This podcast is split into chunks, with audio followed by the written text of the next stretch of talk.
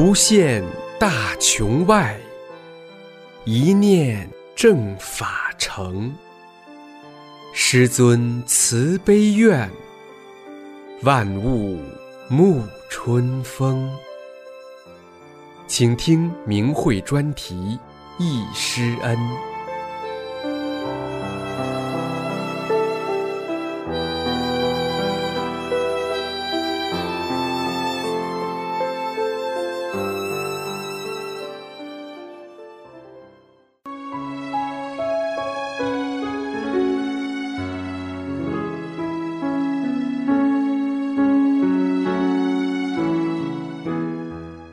参加师傅四次传法班，虽然自己曾经参加过四次师傅传法班，仍很喜欢看同修们写的《忆师恩》。每每静下心来看时，都仿佛又回到了当年的传法班，沐浴在温暖的佛恩浩荡中。第一个石家庄班，我自幼喜好气功，记得上中学时，英语老师就在自习课时传授气功，受家庭的影响。从小就相信佛道神，当兵后仍然一直坚持自己的爱好。记得一九九四年的二月底，一天有位一起练别的气功的大姐，当时她没有参加班，但后来很快走进大法，说有气功大师要到石家庄来亲自传法办班，在军分区礼堂贴有海报，问我能否参加。我当时觉得自己很忙，可能参加不了。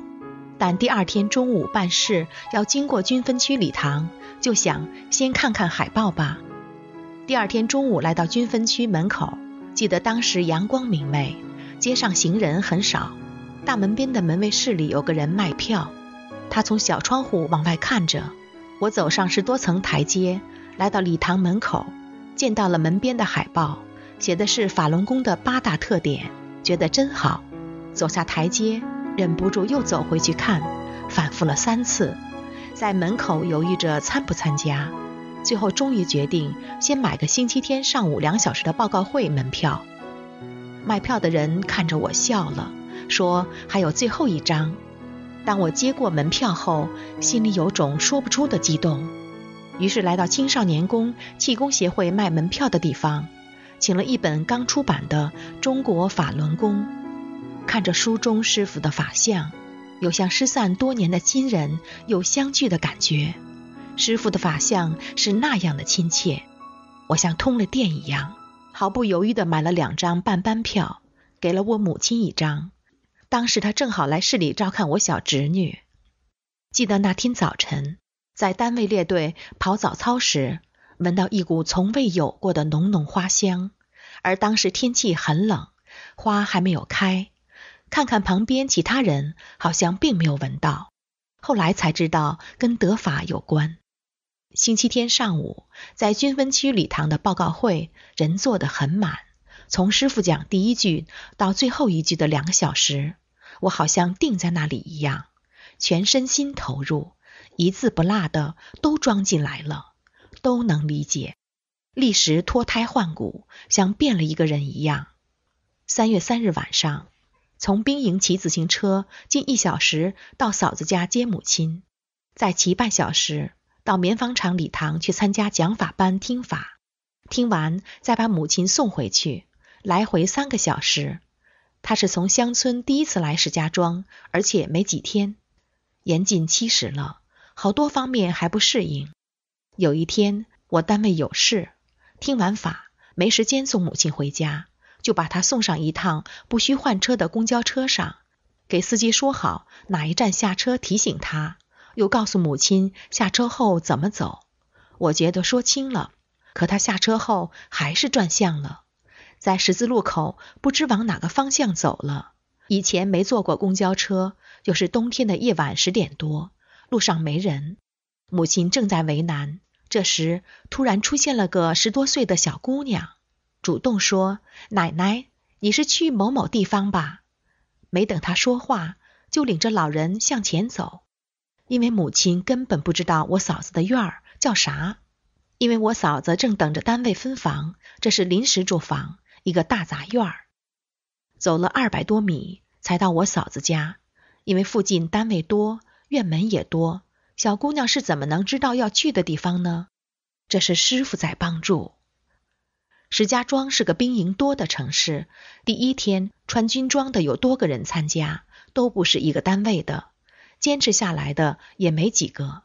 当时的部队中有很多人喜好练气功，听着师傅的讲法，觉得太好了。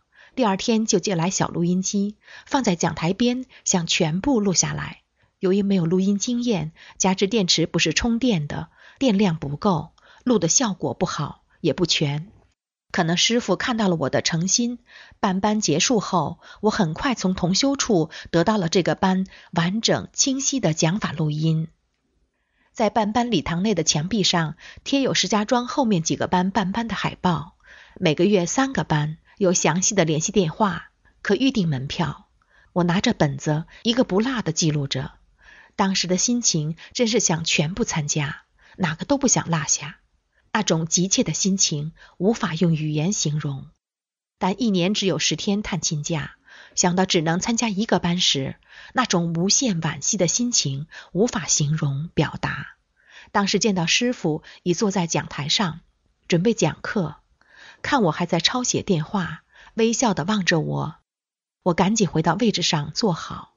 可能师傅看到了我想多参加班的那颗虔诚的真心，帮我去掉了许多另外空间的干扰，所以在后来的修炼中能有机缘听到师傅去过的十六个市和一个冠县的二十多期的讲法录音，其中武汉的五个班、广州五个班中的三个班、北京的三个班等。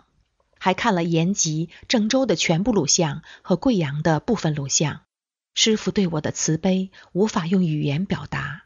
后来法轮功研究会通知让销毁时，我真是舍不得，但还是忍痛割爱了。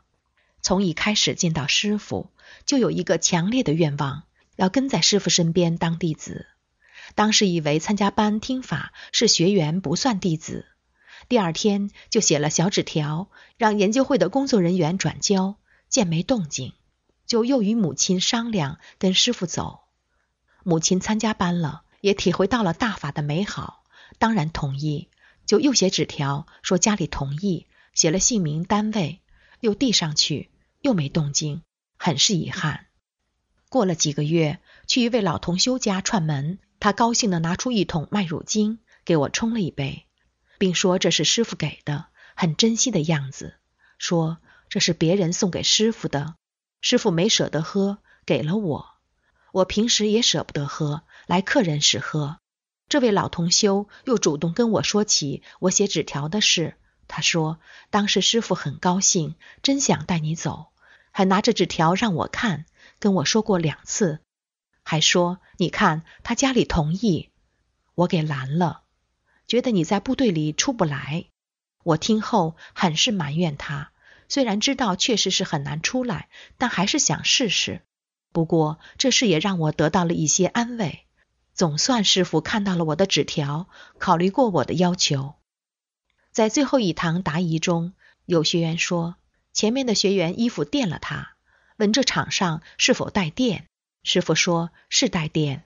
班班这几天，不仅这场上带电，整个石家庄都带电。是这样，那几天我给一所大学搞军训，有个学生对我说，他的脸盆电了他。我想现在好多人感觉有静电，其实是大法弟子整体能量场强了的缘故。为什么师傅传法前没有这种现象呢？后来听到负责接待师傅的一位工作人员说。办班后的三天，师傅除了讲法，回到旅馆后，整日就是清理另外空间。跟随师傅办班的北京大法弟子也参与。师傅曾严肃地对他说：“你们石家庄怎么这样？另外空间这么乱？因为石家庄是个气功城，只要出点名的气功师都到这里办班，布他们的场。三天后清理干净了，天清体透，师傅也整日乐呵呵的。”讲法班上学练第五套神通加持法时，师傅在下面纠正动作。我打手印时，右手臂没有伸直，师傅从后面拖了一下。之后发现打手印时气机特别强，心里说不出的美妙，特别愿意练功。与师傅照合影，按礼堂的座位号两排一组，我是第九组，在体育馆西门外。我当时穿着军装，请了两张大法像，我和母亲一人一张展开在胸前，一左一右站在师傅旁边。师傅赶紧卷起来，不让展开显示。当时见到的法轮，无论书上的还是卦象，法相上的师傅表情，都是后来很难见到的那种高兴。照相时，有的组先排列好了，有的还没排好队。个别学员争抢着拉师傅跟自己组先照，师傅低声严肃地说：“别不严肃了，别不严肃了。”当时有的学员还是把师傅当做一般的气功师了。在最后一堂课，师傅解答完学员提问后，师傅在桌上盘腿打了一套小手印，然后又打了一套大手印，真想录下来啊！第二个郑州讲法班。我当时一年只有十天探亲假，只能参加一个外地班。左思右想，选中了六月的郑州班，让在郑州的表姐提前预定了门票。在听课中，有一天开课前，有位同修在离讲台不远的空地上放了个坐垫，给还没来的人占了个位置。一转脸，见一个穿着袈裟的胖和尚坐在旁边，就对他说：“这是我占的位，人还没来。”再一看，和尚不见了，才知道是另外空间来听法的。郑州讲法的会场非常祥和，非常的静。头两天，师傅在风雨球场讲法。那天下午，风慢慢大了，天渐渐暗下来。这时冰雹下的渐渐多了，砸在球场的铁皮顶棚上，使礼堂内的噪音很大。这时断电了，师傅说：“先休息一下吧。”过了一会儿，师傅开始打大手印。我印象最深的是，当时天很黑，我就以为是晚上了。等师傅打完大手印，也就是几分钟吧，一道阳光透过窗户射进来，我才回过神来。啊，原来是下午。虽然外面仍下着雨，刮着风，但已经弱小的多了。天也亮了，真正体会到了什么是拨云见日。等听完课，走出礼堂，才看到外面的惨景。棉纺厂等好几个地方长了几十年的大树都被吹倒了，许多简易房的顶棚都刮飞了。后来听一位开天幕的老学员说，师傅的传法惹恼了许多魔，他们又不敢轻易动，就一层一层的上告，最后找到一个他们认为已经很高的魔了。那个魔王长得奇形怪状。带着铺天盖地的群魔直奔会场而来。当时电视中报道的龙卷风只不过是他们一走一过中的表现。他们就是想把讲法场从这个空间破坏掉，结果他们被师尊清除掉了。在济南的讲法中，有学员问到这次魔的干扰，师傅说那不算什么。其实每个班上都有能看到和看不到的干扰。那天刚断电时，下面有点不安的骚动。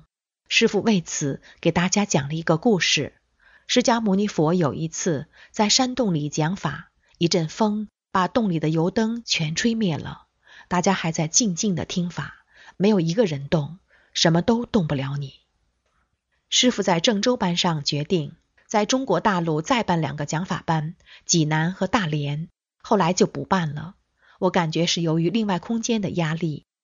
层层层层旧神旧因素的阻挡，在停班的以后几个月，师尊一直在清理解决另外空间对救度众生的阻挡。当时能体会到师傅的严肃心情，深感师傅救度众生的艰难。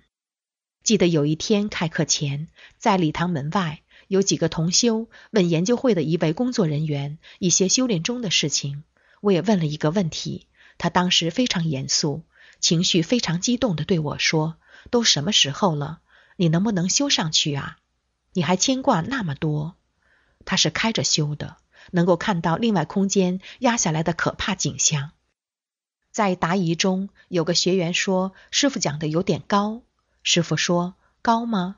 我要有一丈、十丈、百丈，给你讲的还不到一寸。”我就在想，无论我悟到了什么，证悟到了什么。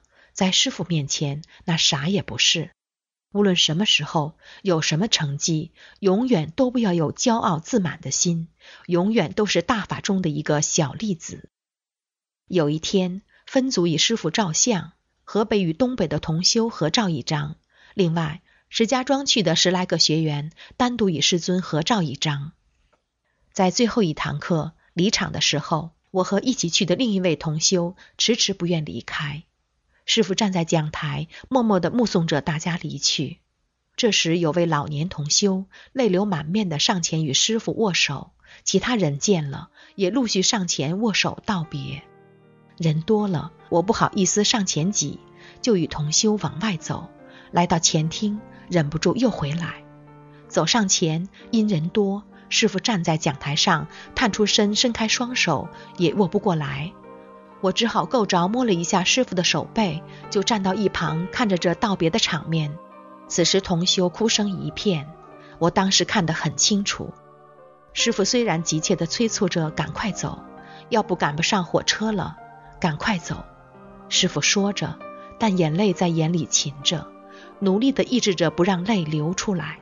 其实师傅不愿弟子们离开。看到这情景，我的眼泪再也止不住了。像潮水般涌了出来，一直到走回旅馆几站地的路上，泪一直在流。我还跟同去的同修说：“怎么止不住呢？”我没记得以前因什么事掉过泪。第三个济南班，由于还剩两个班，我们一起去的几个人商量后又同去了济南，在车站附近的一个新盖的二层旅馆住下了。这个旅馆里住满了来参加讲法班的人，有广州的、青海的、武汉的，大家相处得很融洽。晚饭后，在楼顶乘凉时，武汉银行来的一位大姐说，她看到所有的路灯上都有彩色的法轮在旋转，非常好看。她还说，在郑州班一天回旅馆的路上，他吐了有一碗血，都没事儿，知道是师傅帮他调整身体呢。我们住的这家旅馆，男主人三十多岁了。见我们这么多外地人来参加讲法班，他也参加了。他有个习惯，一天三包烟。参加班后的第二天就戒了，觉得很神奇。于是他的母亲、孩子都参加了。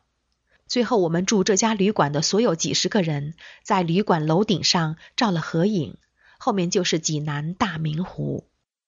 我喜欢摄影，去济南前，郑州班结束后就买了个相机，在济南班上照了不少相。大家都记得有天师傅讲别照了，再照就坏了。当时是指一位学员在讲桌前照来照去的，影响大家听课。我觉得师傅是对着他讲的。我当时坐在师傅的右前上方的台阶上，距离讲台远，我当时正好也想照。师傅说完那句话，我又照了一张。旁边听课的同修直看我，意思是你怎么不听话？我当时觉得师傅没说我，而且离得远，不影响讲法。师傅也不知道，忘了师傅讲出来的就是法，带有普遍的约束力，而且还有无数的护法神。结果我是以身试法，当时不知道，后来发现那一整卷全曝光了，相机也不能用了。到修理店也没修好，这才觉得修炼的严肃和大法的威力。相机是新的，没问题，因为照的第一卷洗出来像很好的，这是第二卷，全曝光了。这事对我印象很深。师傅讲出来的就是法，违背了就会受到相应的惩罚。有时自己做错了，好像也没觉出啥，损失可能体现在另外空间。或是师傅慈悲替我们承担了。办班期间，我每天背着相机，总想给师傅照相。有一次开课前，在体育馆的走廊里，正好与师傅走了个迎面，就师傅和我两个人，都默默的。我脑子是空白的，什么都没有。等走过去了，望着师傅的背影，才想起来怎么没照相呢？在师傅的场中，什么人心都没有了。有一天，我看到整个礼堂里，同修们大多数拿着扇子在扇，看过去花花绿绿的一片扇子，像蝴蝶翅膀一样的在动，很不严肃。不一会儿，师傅就讲：“扇扇子的，不妨把扇子放下。”确实感到一阵凉风从后面吹过来。在济南班上，有一天突然觉得这么好的法，应该让更多的人知道。弘法的心力大增。出去要马上建练功点，回来后与一个阿姨在一个路口旁边空地上建了个点。后来这个点又分出去很多小点。济南班办的也是不易啊！听说气功协会一开始定了个小礼堂，只能容几百人。辅导站想换成体育馆，他们一直不同意，僵持了很长时间。有个老同修都急哭了，到最后才定下体育馆。第四个广州讲法班，第一次听到广州办班是一个星期天的早晨，在体育馆晨练结束后，同修说的。当时距办班时间很近了，听说门票早就没有了，心里凉凉的，心灰意冷。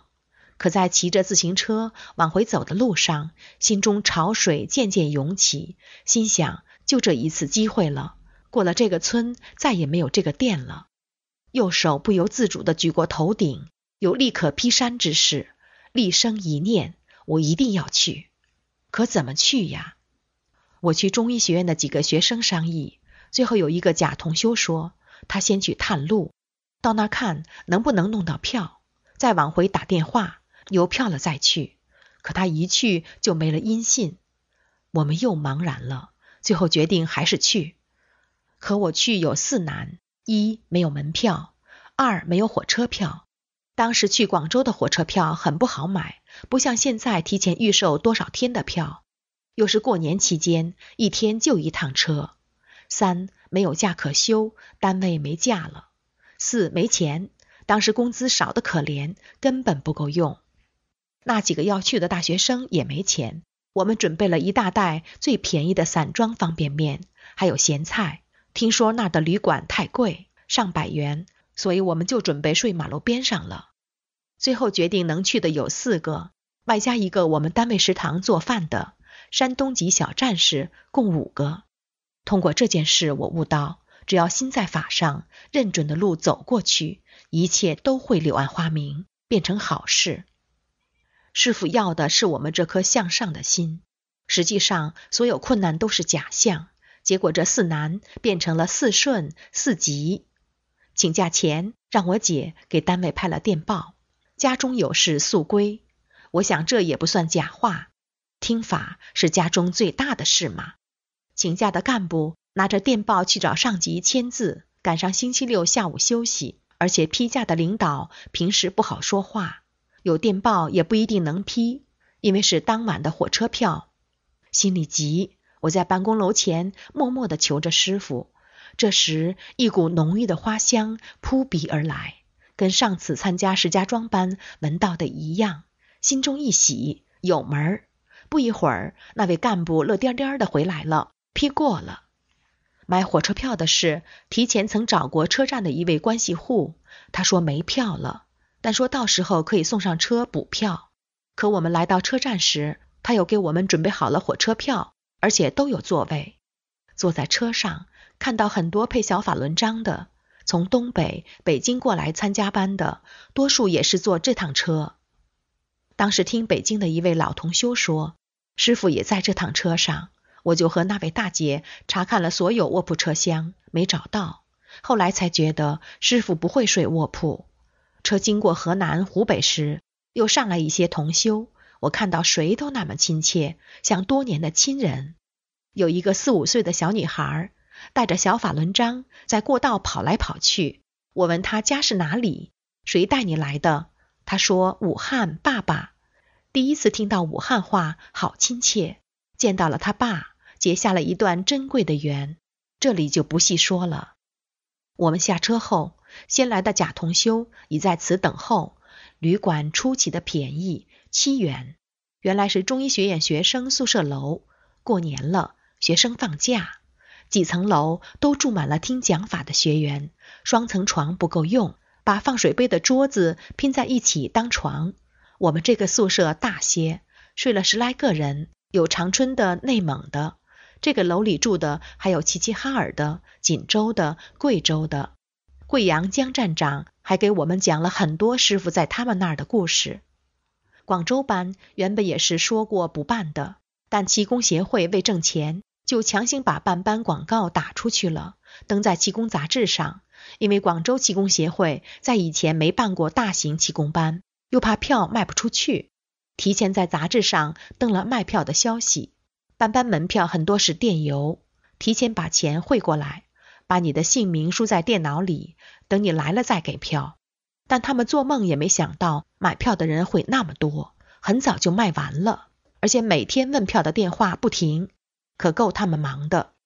开班前一天，他们说电脑乱了。信息丢了，那时候电脑还没普及，技术含量低，有很多是提前交过钱预定的，这样没有拿到票的人太多了，排着长长的队等着补票，有的已经排了一整天。尤其吉林大学和其他东北的学生来了很多人，体育馆的广场满是人，大部分是没票的人。我听一位老学员说，师傅一下火车就到广场来了。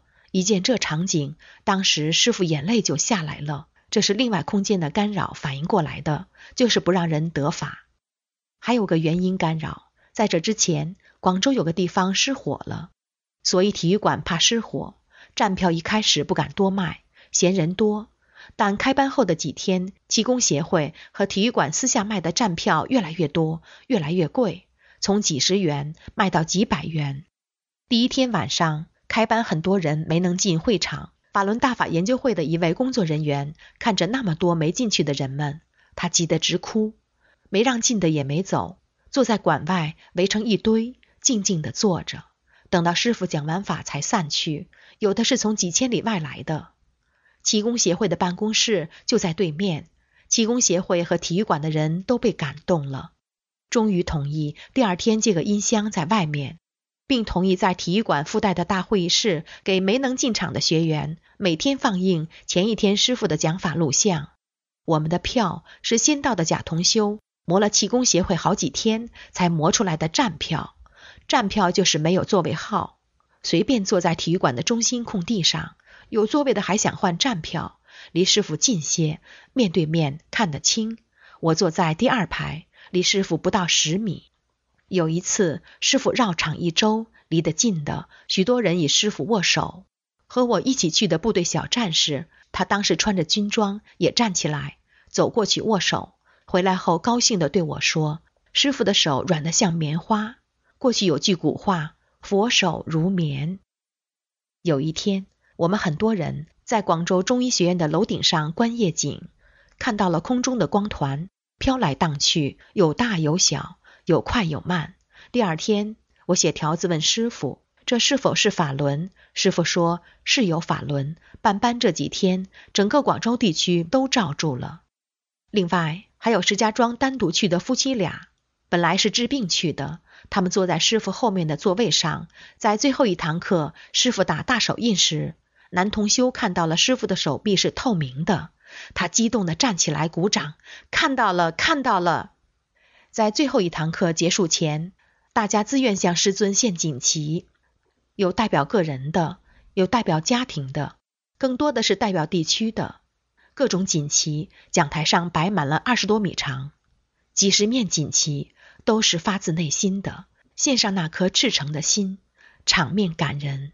结束后，有位同修很是埋怨我：“咱们石家庄去的怎么没准备锦旗？你看其他地区的都有。”提前跟我说一声，八个我都准备了。我说我当时没想起这事。这个班除了西藏没人去，其他省份都有人去了。讲法班结束后，走出体育馆，我眼泪就止不住了，刷刷的流。这次因穿着军装，我觉得这也是一种弘法。曾听到有不少人在说，当兵的也来参加班了。这次穿着军装。怕路上行人不理解，我把军帽压得低低的，遮住了满眼泪。走了几站地，一直到驻地才止住。我知道师傅给予我们的太多太多。这次搬回去到练功点，有个老同修对其他人说：“我从广州回去，看到我周围有许许多多小法轮。由于大家都知道九九年整体迫害的原因，我两千年就离开了部队。”回到了地方已有十一年了，在师傅传法十九年、法轮功遭迫害十二年的又一个五一三法轮大法日来临之际，特以此文献给师尊，献给同修，并带上我一颗虔诚的心。如果能对同修的精进有所激励，那是我的欣慰。如有不妥之处，请同修慈悲指正。在此向师尊叩首，千言万语化作摇拜师尊。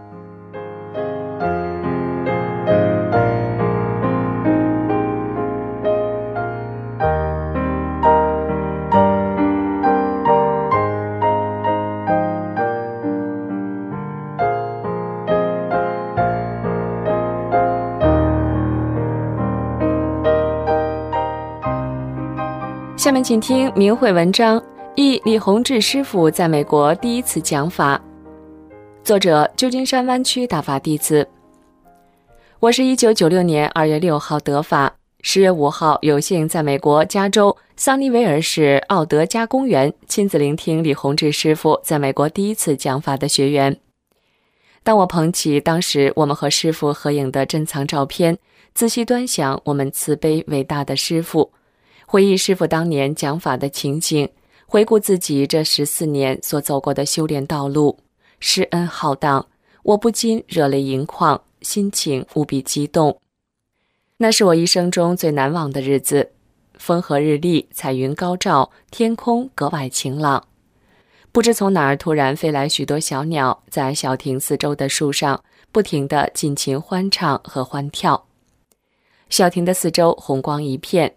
师傅正健步朝我们走来，师傅是那样的年轻和英俊。我们见到了师傅，师傅的每一句话都打到我心灵深处，身体里产生巨大的震撼和共鸣，那种兴奋、喜悦的幸福感实在是难以言表。我拼命鼓掌，手掌都拍得麻木了。师傅这次讲法为我以后修炼打下了坚实的基础。我在德法第二天晚上突然看到一只大眼睛，第三天看到眼前旋转的大法轮，天幕开了。第五天感觉小腹部位有法轮旋转，从此长转不停。每当劳累时，明显感到小腹部的法轮在急速旋转。其实每个真修的学员，师傅都给下上了法轮，而我们所有法轮的根就在师傅那儿。每次开法会，师傅要出来前，我小腹部的法轮就转得不得了。我知道师傅来了。像有这种情况的学员还不少。早期的学员中，不少人开了天目，甚至还有点小功能，但功能不是练出来的，都是在自己完全不知道的状态下，师傅给的。想都想不到，甚至根本就没有想过，怎么可能求来？师傅在悉尼法会讲法中说。无求而自得，千真万确。修炼如初，必成正果。二零零九年大纽约国际法会讲法，在修炼初期，学员那种对大法、对师傅的坚信和感情最纯真，保持这种状态就会不断精进。由于精进，师傅把有些人修了几十年甚至几世都得不到的功能，一下子都给了我们。我天目开后，看到另外空间的美妙景象和高层空间的高级生命，元神在天上飞。我看到自己的前几世，在美国看到国内的亲戚，也看到太空站上工作的太空人，看得很清楚。有时坐着能看到高层空间的高级生命从我身边经过，当然也会碰到魔和不好的高层生命干扰，但我心不动。我的师傅只有一个李洪志。我看到了元婴、婴孩、公主以及自己的五个复原神，三男两女。听到高层空间的音乐，每隔一段时间，师傅就给我灌顶，一切都是那样的真实展现，能不信吗？我经常对同修说这句话：转法轮上的每一个字都千真万确。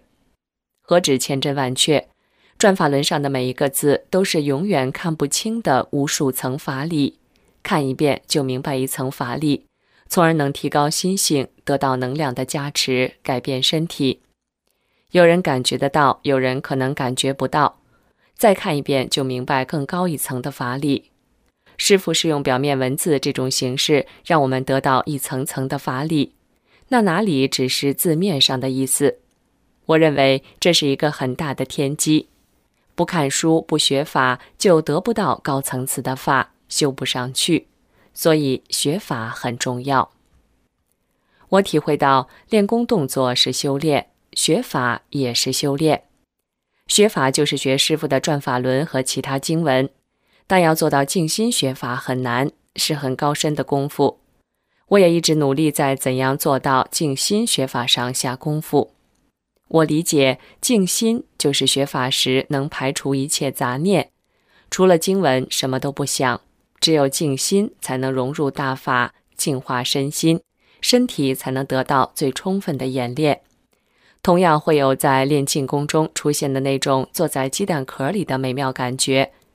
和练动作一样，身体也会发生变化，但带着任何有求之心学法，真的只能是表面上读读，什么都得不到。学法最好一切顺其自然，不求数量，也不规定进度。有时间尽量多学一点儿，没时间就少学一点儿。无论在哪里，《转法轮》这本书都能展现出无边的法力，世间哪能找得到？世间哪能找到这样的书？读上百遍、千遍，总想读。任何一个真正想修炼、又心智健全的人，只要认真仔细想想，光凭这一点，就应该坚定不移地修下去，并且一修到底。师傅有无数的法身，千真万确。有个同修六七岁的小孩，指着我身上旋转的法轮比划。其实，无论在哪里，天涯海角。我们每个真修学员的身边或背后都有师傅的法身，师傅的法身一直在看护着我们。我前后出过四次车祸，一次在九九年七二零之前是来讨债的，三次在七二零之后是邪恶的迫害取命来的，三次在高速公路上，一次在市区。一个三十多岁的妇女突然车子失控，对着我的驾驶座冲来，是邪恶操纵，不让我送大纪元报纸。四次被撞，车子撞坏，而我安然无恙。师傅的法身保护着我。有个学员的车被一辆闯红灯的大货车撞上，车被撞烂，驾驶室被撞扁，而他一点没事儿，只是开不了门，出不来。师傅的法身保护着他。警察真不敢相信，从未见过。九九年七二零，邪党魔头对法轮功开始疯狂的残酷迫害。当时我真有一种豁出去，愿为师傅上刀山下火海而在所不辞的英勇气势。就这样投入于注师正法、揭露邪恶、讲清真相、救度世人的洪流，至今已十一个年头，一直在大法中修炼，在师傅的呵护下。我坚定地走过来了。在我年老退休之前，所有在美国、纽约、华盛顿、休斯顿、旧金山、洛杉矶、加拿大多伦多、温哥华和瑞士等地的大法活动，一次也没落下。当地的大法活动都积极参加，对国内发传真、打电话、寄真相资料，对世人讲真相，从未间断。退休后，每天坚持学法练功，按时发正念。发九瓶共产党给国内所有亲朋好友讲真相，劝三退，寄真相资料。神韵演出前贴广告、发资料，以及常年累月风雨无阻的送大纪元报等，做老年人体力所能及的正式法的事。我国内的亲朋好友绝大多数都已经散退，有一些还是有四十多年党龄、职务比较高的。有个与我很亲近的亲人还没有退出邪党，因为我没做到师傅所教诲的，用智慧讲清真相。经济要旨二，弟子的伟大，加上亲情未去和有求之心，心性不到位，自己修的不好。十四年来，我牢记师傅的法理，红银当中的实修，做到是修。凡事只要没做到，我就认为自己没修好，或者根本没有修。修炼人都有漏，不管在什么层次都有漏，直到圆满。人人都自爱，会保护自己，也许这是与生俱来的。常人总认为自己好，自己什么都对，自己的想法要比别人好，所以总想把自己的意见让别人接受，不接受就好像自己吃了亏，甚至气得不行。彼此间的争执与争斗由此发生。我认为，作为一个修炼人，如何走出常人来，首先应该修取这种对自己的执着，也就是去掉这种对自己的欢喜心，即执着自我。因为它是向内找的最大障碍，让自己封住自己。我认为欢喜心最难修，妒忌心可以逐渐的去掉，而去掉欢喜心却很难。执着自我去掉了，显示心、争斗心和其他一些不好的心也就没了，也就扫除了自己向内找的障碍，从而找到漏。所以执着自我必须不断的去，才能不断的向内找。这是我对向内照在低层次上的理解。在这十四年的修炼中，不管我做了什么正式大法的事也好，出了什么功能也好，我都能做到：首先去掉执着自我的心，把握住自己。一个人一下子不见了，这种功能出现时，我请师傅锁住。我始终牢记师傅的教诲：功能本小数，大法是根本。选自红银。求证法门，我相信随着正法的进程，更大的神通师傅都会给我们。由于长期坚持在去执着自我上下功夫，我从来不认为自己会比别人修得好，反而总觉得别人比我修得好。特别是对那些无私为大法付出的中青年学员，我也从来不去计较别人的不足。这种状态也许是修出来的。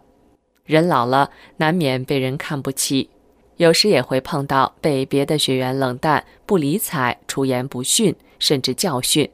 我都把这些当成好事儿，向内找，并且发自内心的感谢他们给我提高心性的机会。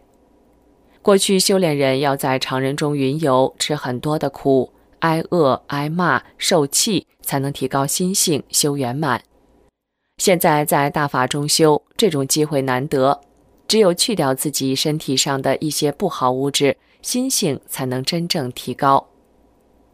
在庆祝师傅在美国第一次讲法十四周年之际，我说出一点自己的经历和体会，感激师恩的浩荡，同时送去对师傅的问候和思念。在注师正法、救度世人的最后时刻，去掉对正法修炼结束时间的执着。学法实修，抓紧时间救人，兑现事前的誓约，圆满随师还。